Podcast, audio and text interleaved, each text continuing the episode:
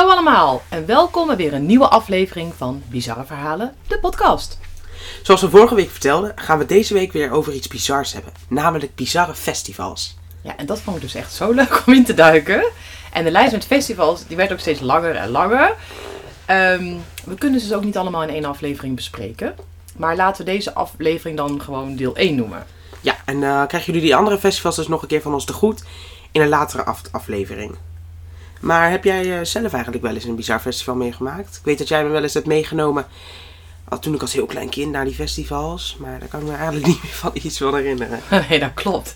Nou, ik nam je inderdaad als kind mee naar Mondial in Tilburg bijvoorbeeld, of de Parade in Utrecht. Maar je was toen inderdaad nog best wel klein. En ik ben zelf op best wel heel veel festivals geweest, van metal tot reggae en van wereldmuziek tot milkshake.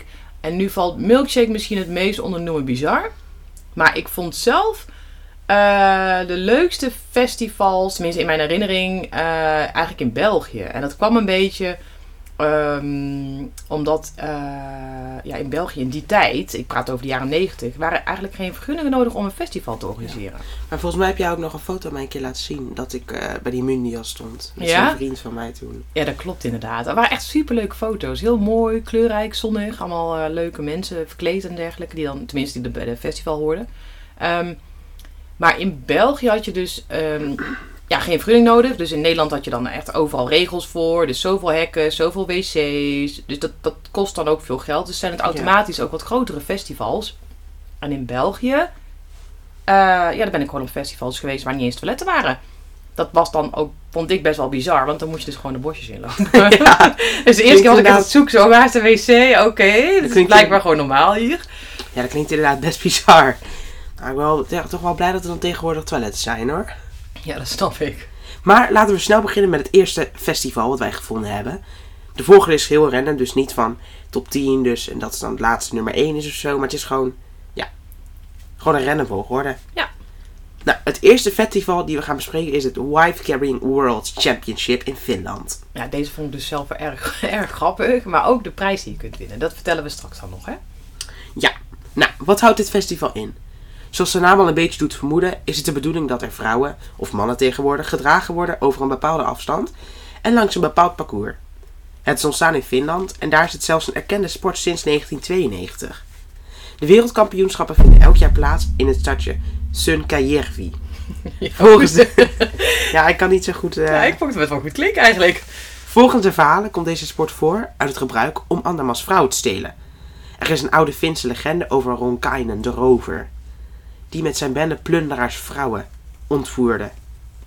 De afstand van ruim 253 meter, die de Finse vrouwendragers moeten afleggen, zou volgens de legende net genoeg zijn om buiten het bereik te komen van de geweerschoten van de achtervolgers. Ik vind dat best wel veel, 253 meter. Dat Ja, je zo ver lang, kan hè? schieten. Dat is toch best wel ver? Ja, maar ja. 200 is heel raar. Het is ook, ook heel random. het is ook een soort van mythe, hè? Ja, dat eh, ik. 253, ja.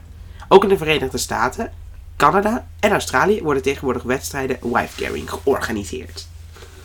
Wat kunnen we nog meer over vertellen? Buitenlandse deelnemers zijn vanaf 1995 toegestaan in Finland. Het parcours is dus ruim 250 meter lang, waarbij er obstakels zijn, zoals een zwembad waar, waar, hè, waar de deelnemers doorheen moeten. En in andere landen zie je in plaats van het zwembad een modderbad waar je doorheen moet. Volgens de regels mogen de deelnemers hun eigen vrouw dragen of een andere vrouw. Maar een vrouw mag ook een vrouw dragen of een man, etc. Dus eigenlijk mag nu elke combi. De vrouw moet minimaal 18 jaar oud zijn en minimaal 49 kilo wegen. Je mag op eh, verschillende manieren je vrouw tillen. De enige uitrusting die toegestaan is, is een helm en een riem. Er starten dus ste- steeds twee koppels tegelijk. En de winnaar is degene die het parcours aflegt in de snelste tijd.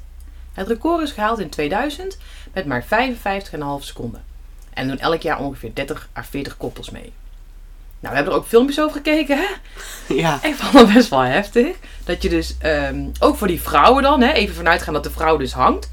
Omdat als je dus in zo'n zwembad eh, springt, hè, of in zo'n modderpoel. ja soms, soms had je echt vrouwen die dus gewoon helemaal onder, die helemaal kopje onder gingen en die dan gewoon zo hingen daar. Ja, en, en ook En als, natuurlijk ook dat je gewoon in die modderpoel je hard op de grond terecht, want dat wil je natuurlijk ook niet. ja, dat als je niet ver genoeg van de rand springt, dan kan die vrouw, die hangt, gewoon haar hoofd stoten. Dan breekt ze gewoon haar nek. om die rand. Dat was best Dat is wel, wel eh, bizar. vandaar die helm. Oh Daar had dat is- een helm op. Ja. Maar ik zag niet bij iedereen een helm, toch? Moet je ook gewoon zo'n nekbrace hebben? Ja, maar heb jij echt helmen? Ik kan me niet echt herinneren. Heb je helmen gezien in die Nee, filmpjes? zo'n die hard in Finland. Ja, die oude viking. eh, Ze wil ontsnappen van Ronkainen. Ja, precies. Nou, de meest populaire manier van dragen is dat de vrouw haar op haar kop hangt en de benen om de nek van de drager slaat. En de armen om zijn middel. Als ze dus in dat zwembad springen, hangt de vrouw meteen kopje onder. En als ze dan afvallen, krijgen ze 10 seconden straftijd. Maar in Engeland zag het er nou weer heel erg anders uit, eigenlijk. En ik heb daar een video over gezien en daar loopt ze eigenlijk gewoon alleen maar over gras. Het lijkt ook wel als iedereen een beetje zijn eigen draai gegeven heeft. Maar dat is wel grappig om te zien. Ja, dat, dan lopen ze eigenlijk gewoon zigzaggend over een berg. Ja, het is niet echt... eh, Ik vond het, Special. eh, Nee, dat vond ik dus ook niet echt. En de prijs? De winnaar krijgt het gewicht van zijn vrouw in bier. Wel grappig, toch? Ja, dat vind ik dus ook wel weer een hele grappige prijs. Dus Maar dus Nou ja, wel- zo- je, krijgt, je krijgt dus een grotere prijs hoe dikker en zwaarder je vrouw ja, is. dus je gewoon vrouw 100 kilo draagt. dat, is wel eer, dat is wel eerlijk op Dan zich. heb je harder gewerkt. Ja. Toch? Ja. Ja. Dus je kunt voor makkelijk gaan, dan heb je een klein prijsje. Of je gaat gewoon heel zwaar, obesitas vrouw op je nek. Ja. En dan, maar dat heb ik eigenlijk niet echt gezien. Jij wel? Nee, maar dat was Ik zag niet hele... Maar dat waren best wel niet, skinny. toch? Kan toch allemaal. niet... Nee. Ja, misschien ook wel. Zak je meteen aan wat door je been als je die modderpoes. Maar als je nou zo'n sterkste man bent, van, eh, je hebt van die wedstrijden toch? Van die, die, eh, doen, die doen niet zo aan die Finse kleine mini-competities mee. Nee, dat is misschien ook wel zo. Die willen geen bier winnen, want die zijn Nee. heel sportief. Ja, dat is ook weer alleen maar gewoon eh, gebakken eitjes. Ja. eitjes.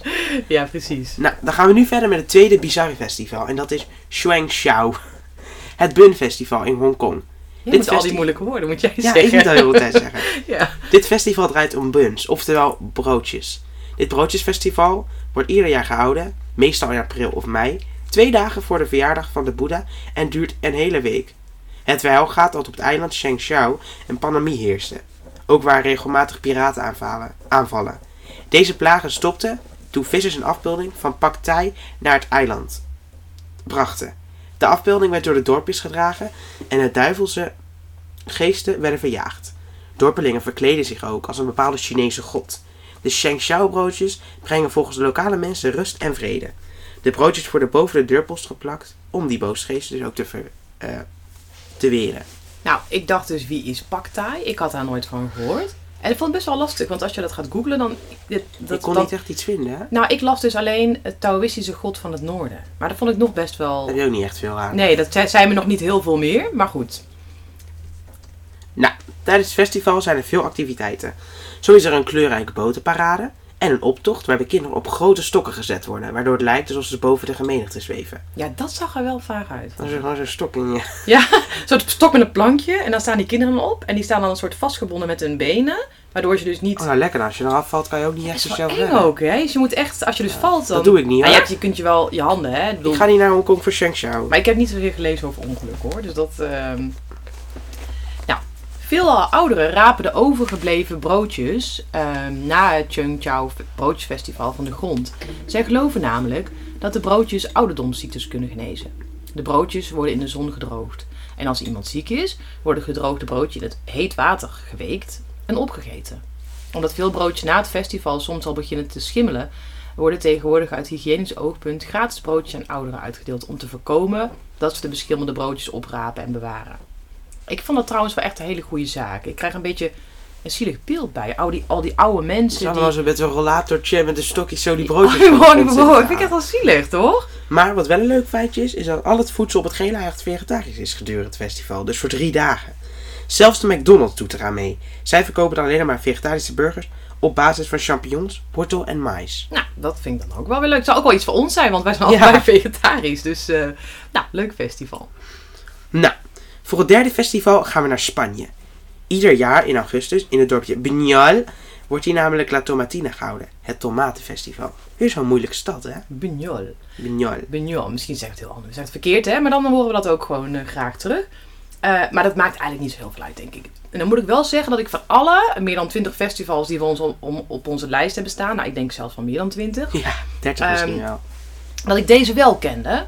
En eh, volgens mij is er ook ieder jaar een stukje over op het nieuws. Maar we vonden het toch leuk om er iets over te, over te vertellen. Want er zullen vast luisteraars zijn die dit festival niet kennen. Of er misschien niet alles over weten. Want ik wist er ook niet alles van, moet ik zeggen. Nou, over hoe het festival is begonnen doen verschillende verhalen de verronde. De meest gehoorde is die van een groep tieners die in de jaren 40 van de vorige eeuw een voedselgevecht begon tijdens een religieuze zo- zomerviering toen een deelname daaraan werd geweigerd. La Tomatina zou volgens andere verhalen zijn ontstaan als een lokaal voedselgevecht tussen vrienden. Een volleybalwedstrijd met, dus, met tomaten tussen omstanders van een carnavalsparade, een, gecht, een, een grap bij een slechte muzikant of naar aanleiding van een omgekieperde vrachtwagen die tomaten vervoerde. In 1950 ontstond de gemeenteraad van Bugnol. Uiteindelijk werd, de werd het gehele feest toegestaan. Zo werd men met water overgoten en werden waterstralen op de tegenstander gericht. In 1957 werd het feest weer verboden en stond er op overtreding een gevangenisstraf. Dat vind ik dan wel heftig. hoor. Alleen maar voor tomaat gooien dat je naar de gevangenis moet. Wel heftig, maar ook die wisseling. Zo van eerst was het weer goed en dan weer niet. En dan weer wel. En dan, ineens, ja. ja. Nou, met het verbieden van de tomaatgooien in de vroege jaren 50 werd het gebruik natuurlijk alleen maar populairder. In 1957 hield de bevolking van Bignon een heuse begrafenis van tomaten om een, on- om een onvrede met het besluit te uiten. Een enorme tomaat kreeg la- een laatste rustplaats in een kist en burgers droegen deze kist in een begrafenisstoet door de straten van het stadje in de provincie Valencia. Ja, dat, dat vind ik dan wel humor. is een hele grote, ja. dat is zo'n hele grote tomaat gaan begraven. En dat is, dat, dat is dan zo, ja, dat vind ik dan wel echt heel leuk. Nou. In 1959 werd de ban op het feest weer opgeheven. Sindsdien is La Tomatina in Spanje erkend als officieel feest van internationaal toeristisch belang.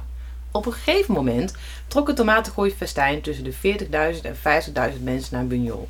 Gekleed in oude kleding of zelfs een zwemoutfit, compleet met een duikbril. Omdat het kleine stadje die toeloop niet aankon, kunnen sinds 2012 slechts 22.000 mensen met een kaartje terecht. Nou, hoe gaat het precies in zijn werk? Jij hebt je hierin verdiend, toch? Ik heb me hierin verdiept inderdaad. Nou, rond 11 uur 's ochtends rijden zes vrachtwagens met tomaten naar het centrum van de stad. Plaza del Pueblo. Volgens de regels begint het festival pas wanneer een van de feestvierders een ingezeepte paal van twee verdiepingen hoog weet te beklimmen om de daar bevestigde ham te pakken. In de praktijk duurt het te, vaak te lang voor iemand dat lukt. Het duurt sowieso heel lang. En dan wordt er een startschot gegeven. En volgens mij ook als het niet gelukt is hoor. Dat kom ik niet helemaal achterkomen. En dan rijden de... Ja, toch? Lijkt me logisch, want niemand, dat gaat natuurlijk niemand Zes hebben. uur later, tien uur later, drie dagen later, iedereen maar wachten. Dus uiteindelijk gaat het dan toch beginnen. Nou, dan volgt er dus een startschot en dan rijden de vrachtwagens met circa 160.000 kilo tomaten. die rijden de stadje binnen en die lozen die tomaten op straat. En dan start dus een enorme chaos. Nou, dat duurt dus ook maar een uur. Dat wist ik ook niet. Ik had echt geen idee van eigenlijk. Na een uur klinkt dus opnieuw een schot en eindigt het gevecht. Op dat moment kan er niet meer met tomaten worden gegooid, althans het mag niet meer. En eh, voor de schoonmaak worden brandweerwagens ingezet om de straten schoon te spuiten met water uit een Romeins aquaduct. De zuren uit de tomatenpulp blijken overigens een perfect schoonmaakmiddel eh, te zijn, die de straten frisser maken dan voor het festival. Eh, maar veel woningen en gebouwen worden van tevoren volledig in plastic gepakt, zodat deze achteraf niet schoongemaakt hoeven te worden. Er zijn, er zijn ook reisorganisaties die reizen organiseren naar La Tomatina, inclusief overnachting. Een kaartje voor La Tomatina kost tegenwoordig 15 euro en is razendsnel uitverkocht. En ik zag trouwens dat het in 2025 op mijn verjaardag gehouden wordt. Nou, misschien een leuk feestje. Even eh, lekker tomaten gooien. Verjaardagsfeestje. Nou, misschien ook nog wel even leuk om de regels te vermelden. Eh, dit zijn de regels zoals ze op de site staan. Neem geen flessen of harde voorwerpen mee, want die kunnen ongeluk veroorzaken en andere deelnemers verwonden. Scheur geen t-shirts van anderen. Je moet de tomaten pletten voordat ze je gooit. Maar dat lijkt me een beetje sterk, want op al die filmpjes zag ik dat ze allemaal hele tomaten Ja, gooien. ik heb dat ook gezien inderdaad. Ik zag gewoon hele tomaten tegen, overal Die tegenaan zullen ze niet zo Ik goed zie dat helemaal niet. Ik zie mensen gewoon Nee. die tomaten pakken. Maar dat lijkt me best wel pijnlijk, toch? Als je een hele, gewoon een harde tomaat zo tegen je gezicht aan krijgt. Hm, ja, Toch? Hetzelfde als een mandarijn of zo. Dat wil je toch ook ja niet? nee, maar ja. Nou ja. Zorg voor een veilige afstand tot de vrachtwagens. En zodra het tweede schot wordt, moet je stoppen met tomaten gooien. En er zijn ook heel veel leuke filmpjes op YouTube te vinden, zoals ik al zei. Dus mocht je het interessant vinden, dan kan je die zeker ook even opzoeken. Ja, zou jij daaraan mee willen doen? Nou, nee hoor. Het lijkt mij op zich wel... zo'n hele tomaat doe je zijn mond open, bam, een hele tomaat in je mond. Het lijkt mij dus echt wel grappig om zo super smerig te worden. Maar ik denk dat het... Ik zou er niet speciaal voor gaan reizen. Of Nee, als het kan- nou hier nee, zou gebeuren, niet. gewoon, hop, dan, eh, in de buurt. Ja, nou, dan zou ik het wel doen, maar hier niet hoor. Ik ga echt niet helemaal naar Italië. Nee. Nou, dan gaan we voor ons volgende festival naar Canada. Hier wordt ieder jaar namelijk het Hair Freezing Festival gehouden. En ik vond dit ook weer echt een grappig festival. Ehm, ik had er nooit van gehoord, jij wel? Nee, Nee hè? ik ook nog niet. Wat houdt het festival in? Eigenlijk komt het erop neer dat mensen bij zeer lage temperaturen, dus onder het vriespunt, met hun haar in een warm bad gaan en het dan laten bevriezen of boetseren eigenlijk tot een leuk kapsel. Laten we er wat meer over vertellen. Dit festival begon in 2011 toen sporters na een lokaal sportevenement gingen ontspannen in een, in een van de Takini Hot Springs. Takini Hot Springs zijn natuurlijke warmwaterbronnen. Ik heb het even opgezocht en het ziet eruit als een niet al te groot zwembad met een soort scheiding in het midden, waardoor je twee baden hebt naast elkaar. De ene 36 graden warm en de andere 42. Leuk apart, hè? Ja, gewoon helemaal Maar verschillend. echt naast elkaar ook. Nou, ik zou wel voor de 36 gaan, 42 zou een beetje. Eerst in de 36 en dan in de Ik 42. was te enthousiast. De eigenaar van deze hot springs maakte er op dat moment een wedstrijd van door de vraag aan de sporter of ze hun haar in het water wilden doen en er vervolgens een mooi bevroren kunstwerkje van wilden boetseren. Degene met de mooiste selfie won de wedstrijd. Nou, sindsdien kun je er als deelnemer dus ieder jaar meedoen. Inmiddels is Takini veranderd van naam naar Eclipse Hot Springs en heeft ook een grote verbouwing ondergaan. Het ziet er nu veel luxer uit. Als je nu ook kijkt naar die foto's, dan zie je dus dat, dat echt wat oude nog met die twee baden. En dat is echt nu heel mooi en luxe. Ja, je herkent het eigenlijk bijna niet meer terug. Dus dat is ook wel eh, heel erg leuk. Ook de regels zijn wel iets veranderd. Eerst kon je gewoon een selfie maken en deze insturen. Maar tegenwoordig moet je jezelf echt melden bij de balie. En worden dan de foto's genomen door de medewerkers van Eclipse Hot Spring. Nou, hoe zorg je nou voor dit bevroren haar? Allereerst is de juiste temperatuur belangrijk, want het unieke aan dit festival is dat het dus niet op een vaste datum plaatsvindt. Deelnemers kunnen de hele winter meedoen, maar het is wel echt belangrijk dat het minimaal min 20 graden is buiten, zodat je haar dus genoeg bevriest. Eh, je maakt je haar helemaal nat, dan kop je onder te gaan. Vervolgens wacht je boven water net zo lang tot al het haar bevroren is. En dan laat je er een foto van maken. Eh, Ik zag wel dat, dat je dan in die tussentijd of zo, als het nog net, ik weet niet precies wanneer boetseer je dan. Doe je dat dan Onder water denk ik, dat je dat gewoon zo vasthoudt en dan naar boven gaat. Ja, maar je zag ook hele plukken en zo. Dat kan je niet in één keer onder water zo. Maak je dat dan gedurende het proces dat het bevriest? Want als het helemaal bevroren is, kun je niks meer doen. Dus er tussenin moet je dan denk ik... Maar dat duurt misschien wel langer voordat het bevroren is. Dat vroeg me nog Ja, wel dat af. vind je natuurlijk niet in één seconde. Nee, dat is nog wel een belangrijke regel. Dat je echt al het haar bevroren is. Inclusief wenkbrauwen of bijvoorbeeld baard. Anders doet de foto niet mee. Volgens de site hoef je niet bang te zijn dat je haar beschadigt of uitvalt naar de rand. Dat is wel fijn. Ja, dat is ook wel lekker. Aan het einde van de winter worden de winnaars bepaald in zes categorieën. Beste man, beste vrouw, beste groep, meest creatief, Nongshim People Choice Award en Air North Best Facial Hair. Sponsors of zo, denk ik. Dat denk ik ook. En prijzen worden toegekend per categorie, ongeacht het aantal personen of deelnemers op de winnende foto. Als het in winter niet koud genoeg is, gaat het festival helaas niet door. Nou, lijkt jou dat leuk om te doen, Mees? Nou, op zich wel, maar ja, ik weet het niet hoor. Het lijkt mij wel heel grappig. Waarom niet? Toch? Ja, maar straks valt je gebreekt heel je haar al. Ja, maar dat zal toch niet? Dan zal het al lang bekend zijn. Dan zal iemand dat al geschreven hebben. Ja. nou, eh, ik was daar en... eh, Maar het is wel ik- heel koud, hè? Die buitentemperatuur, ik ben echt niet van de kou. Gewoon rennen naar het festival. Gewoon rennen naar de, de dingen. Ja, Naar de ja. Nou, maar het water is wel lekker warm. Dat is wel heel Ja. lekker. Nou, voor ons volgende festival gaan we naar Japan. Waar ieder jaar het Naku Sumo Crying Baby Festival wordt gehouden. En dit festival viel voor mij ook wel weer echt in de categorie heel apart. Wat vond jij, eh, Mees? Nou, dat vind ik eigenlijk ook wat leuk aan deze podcast. We vallen dus steeds gewoon van de ene in de andere verbazing. Maar dat is ook wel juist het leuke. Ja, ook tijdens het maken eigenlijk al, hè? Ja, Oké, het Naki Sumo Crying Baby Festival. Al ruim 400 jaar wordt het festival gehouden in Japan. Waarbij, zoals de naam al verklapt, Naki betekent namelijk huilen, moet je ook maar net even weten.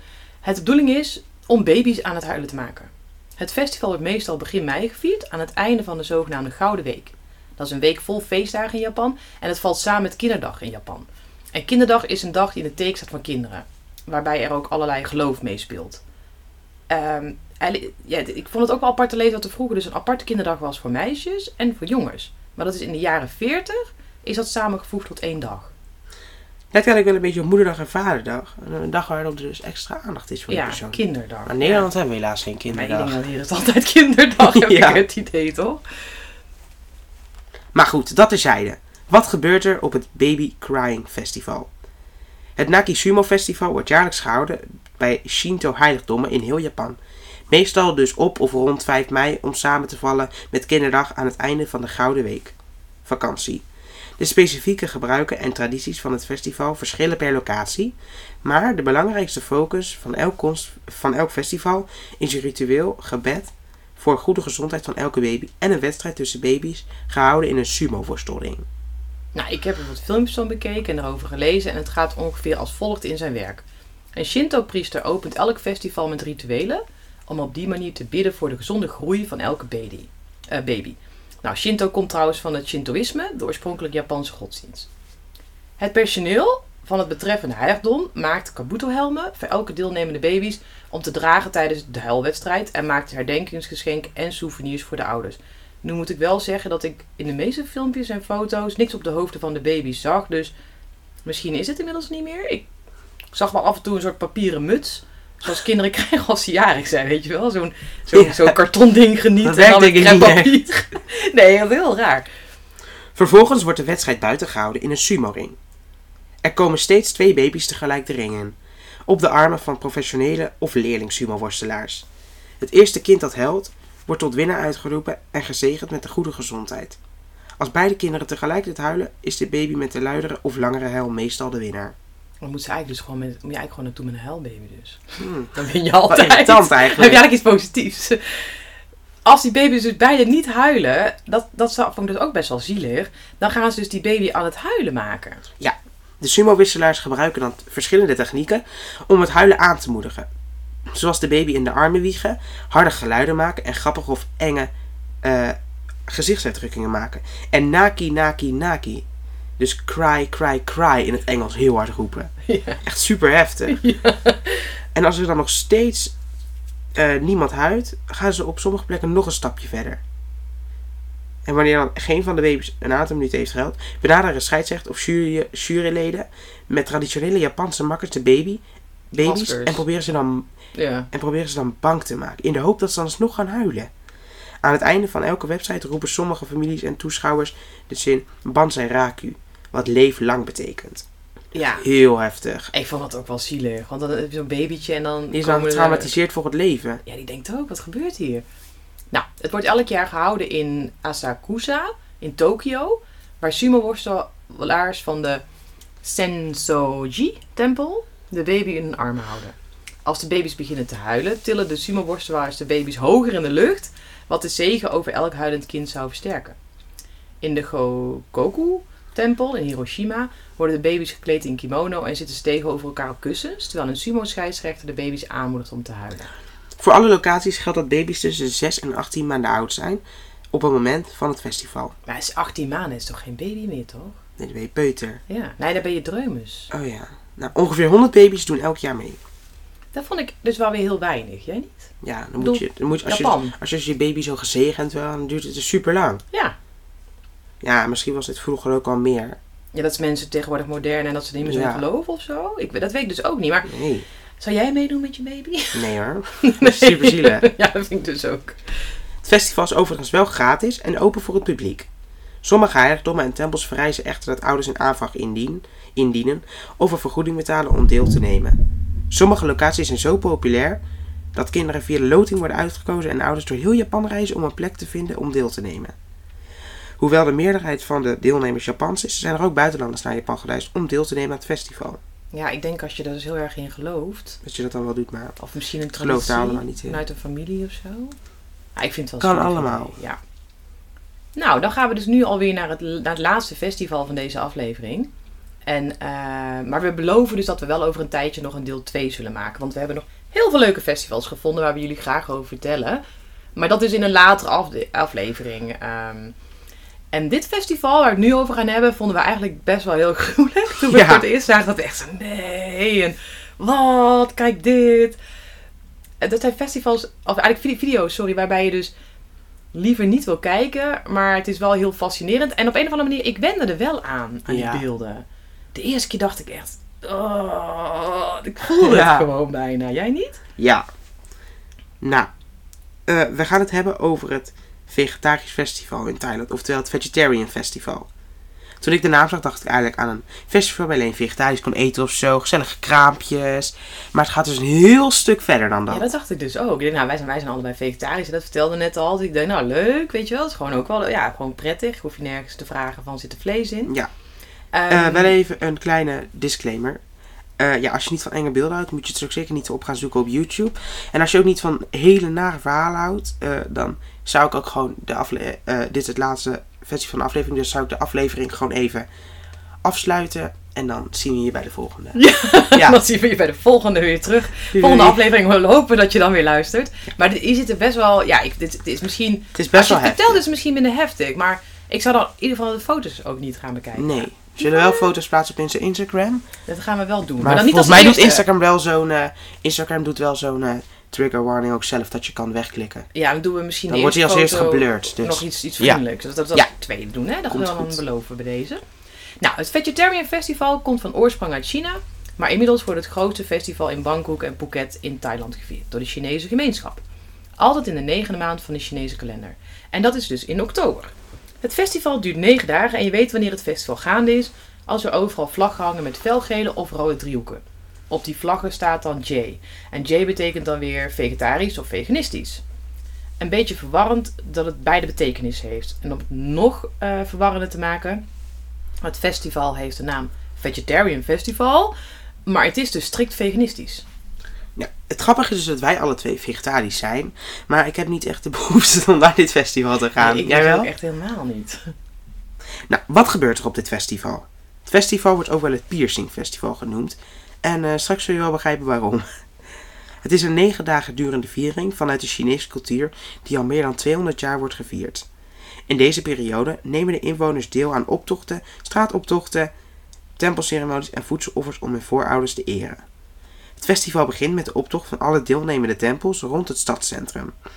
De straten zijn versierd met kleurrijke versieringen en vlaggen. De mensen in de optocht dragen beelden van goden of godinnen, terwijl ze gebeden opzeggen en muziek spelen. Deze optocht moet zorgen voor de zuivering van het lichaam en de ziel voordat een periode van een onthouding van vleesconsumptie begint tijdens de festivaldagen.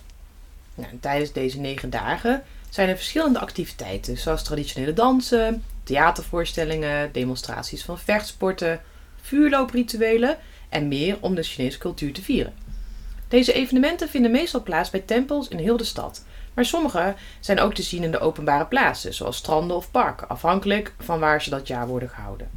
Het aanbieden van voedsel speelt ook een belangrijke rol tijdens het festival, omdat men gelooft dat het aanbieden van veganistisch, eh, veganistische gerechten geluk brengt aan degenen die er gebruik van maken. Er zijn veel verschillende soorten gerechten verkrijgbaar, van roerbakgerechten tot curry's, allemaal gemaakt zonder dierlijke producten, zelfs zonder vissaus.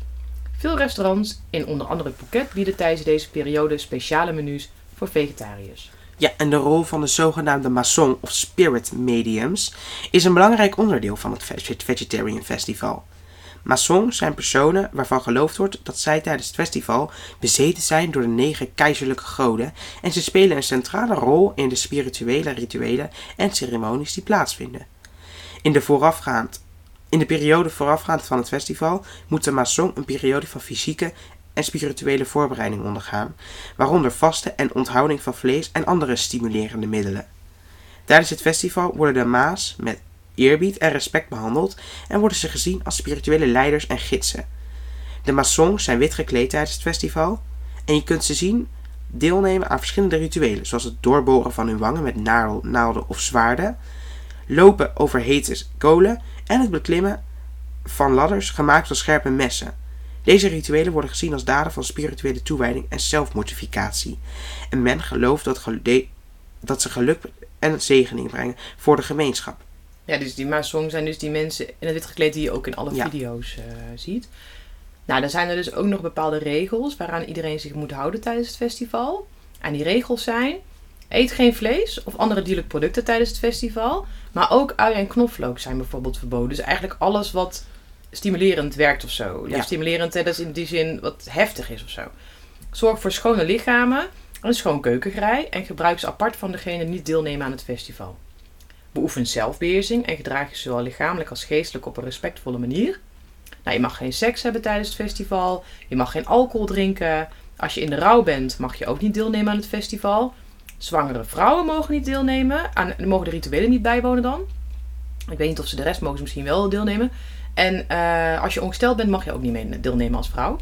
Nou, daarnaast moet je dus heel hygiënisch eh, werken om de zuiverheid van het festival te behouden. Daarnaast pijnigen de masons zich op allerlei manieren als verering naar de goden, om op deze manier voor geluk te zorgen en voor- de gemeenschap. En die zelfverminking gaat behoorlijk ver. We vertelden er net al iets over, maar we zullen hieronder nog wat dieper gaan.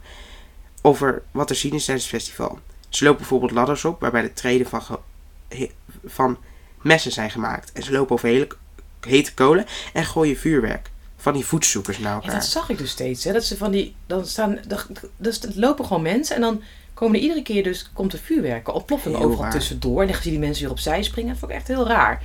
Ehm, ja, Maar wat ik dus het meest bizar vond, is dat alle voorwerpen die door de wangen worden gestoken, hele zwaarden en stokken, etc. Maar ik zag ook een film waarbij iemand een fietspomp door zijn wang liep. Of door loop van een mitrailleur. Gewoon zo'n echte ouderwetse Heel fietspomp. apart. Ja, dat vond ik gewoon helemaal door die wangen, hè. Nou, en dan is het ook vaak niet één zwaard, maar wel acht zwaarden. En de mensen staan dus ook echt in de rij om, om door hun wangen te laten steken. Heel apart. Je gaat toch niet in de rij staan om jezelf te pijnigen? hè? Nee, maar, maar stokken, zwaarden, echt van alles door de wangen. Als het maar gewoon een beetje een soort van eh, ja, ronde vorm heeft, dan kan, het, kan je het eigenlijk wel door je wangen steken. Ja, maar ook een zwaard, toch? Gewoon hele zwaarden. Maar ik vond het ook zo... Lepels. Ja, en, en ik zag ook een rij bij mensen die dan allemaal ehm, ja, hele borduurwerken lieten naaien. Door een Oh hele draden lieten naaien door hun huid. Weet je, Oh, dat is, heel eng. het is helemaal zo'n heel soort ja, draden patroon. Ja, het was niet echt mooi. Het was... ehm, en wat je dan ook ziet, is dat die mensen dan ook weer in de oplocht lopen, hè? Nou, ik zag trouwens niemand huilen. Ik zou zelf wat heel hard moeten huilen, denk ik. Jij trouwens ook, denk ik. ja, ik zal ik dan huilen bij het idee. Ja, ik ook. Maar ik denk dus, ik, ik, ehm, ja, ik geloof niet echt in, in persoonlijk niet zo in, in offers brengen op die manier. Ik, ik, ik, ik heb dat nooit helemaal begrepen, maar eh, respect voor iedereen die dat wel eh, ehm, heeft. Maar ik, ik, nee, ik zou dat helemaal niet durven. Maar ik las dus ook ergens dat het dus geen pijn doet in je wang. Maar als je zo eh, je, je nagel in je wang doet, doet dat ook al best wel veel pijn.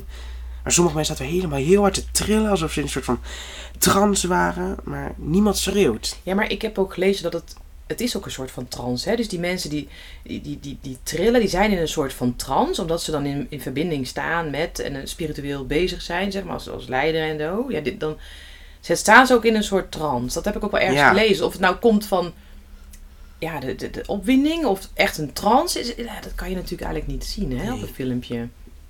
Ehm, het bloeden meestal niet. Dat maar dat zag- komt denk ik omdat dat een zo grote vorm is. Dat, eh, als, je, als jij je vinger in een gat steekt, dan stopt het natuurlijk ook met lekken. Ja, dat denk ik dus niet. Wel als het perfect past. Ja, maar zou het niet gewoon komen dat dat gewoon minder door bloed is? Want die wangen worden echt enorm opgereden. Echt hele grote gaten in. Heel heftig. En ik dacht dus ook, dat heb ik dus nog wel opgezocht. Of dat ik dus foto's kon vinden van mensen die dus heel erg littekens eh hebben. ik denk dat dat gewoon zo'n heel groot gat blijft. Dan kan je de volgende keer gewoon, hoef je niet een gat te doorboren. Nee toch, gaat toch wel weer dicht? Nou, ik had er niet met gaten in je wangen, dan loopt er al het kwel en zo uit. En als je drinkt, dan gaat het eruit. Gewoon alleen met een rietje.